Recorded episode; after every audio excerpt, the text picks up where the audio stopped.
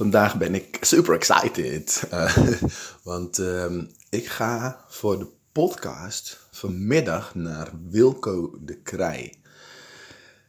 Huh, wat? Wie? Wilco de Krij? Als je, als je hem kent, dan zeg je wow, wat cool. En als je hem niet kent, dan, um, dan zal ik even kort toelichten wie hij is.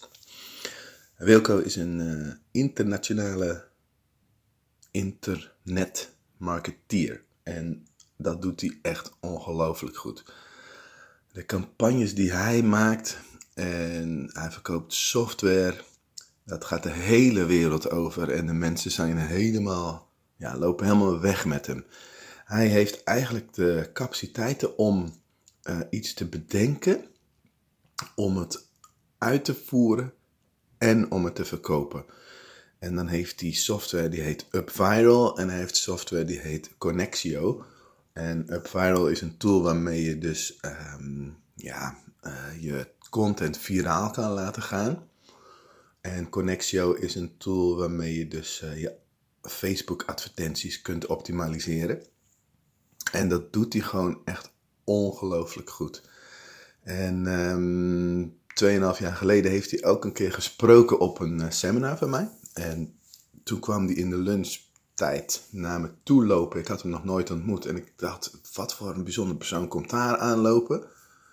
Gewoon de hele eh, aura, of hoe noem je dat? De uitstraling. En toen opeens besefte ik, hé, hey, dat is Wilco. Oh, cool. En uh, ja, hij, hij sprak op dat seminar super snel, maar ook gewoon heel inspirerend. En hij deed dat ook gewoon helemaal gratis en voor mij, om mij te helpen. En nu zijn we een paar jaar verder en uh, ik vroeg hem voor de podcast. En ja, tuurlijk, doe ik je om jou te helpen. En, uh, want hij heeft er in principe heel weinig belang bij dat, uh, dat hij mijn publiek bereikt. Dus hij doet het gewoon echt, echt voor mij. En ik, ik, ik leer ongelooflijk van die gast. En daarom ben ik super excited. En misschien als je hem kent, dat je zoiets hebt van wow, als je vragen aan hem hebt, reageer vanochtend bij voorkeur op Soundcloud. En um, dan kijk ik nog eventjes of je een vraag hebt die je aan hem wilt stellen.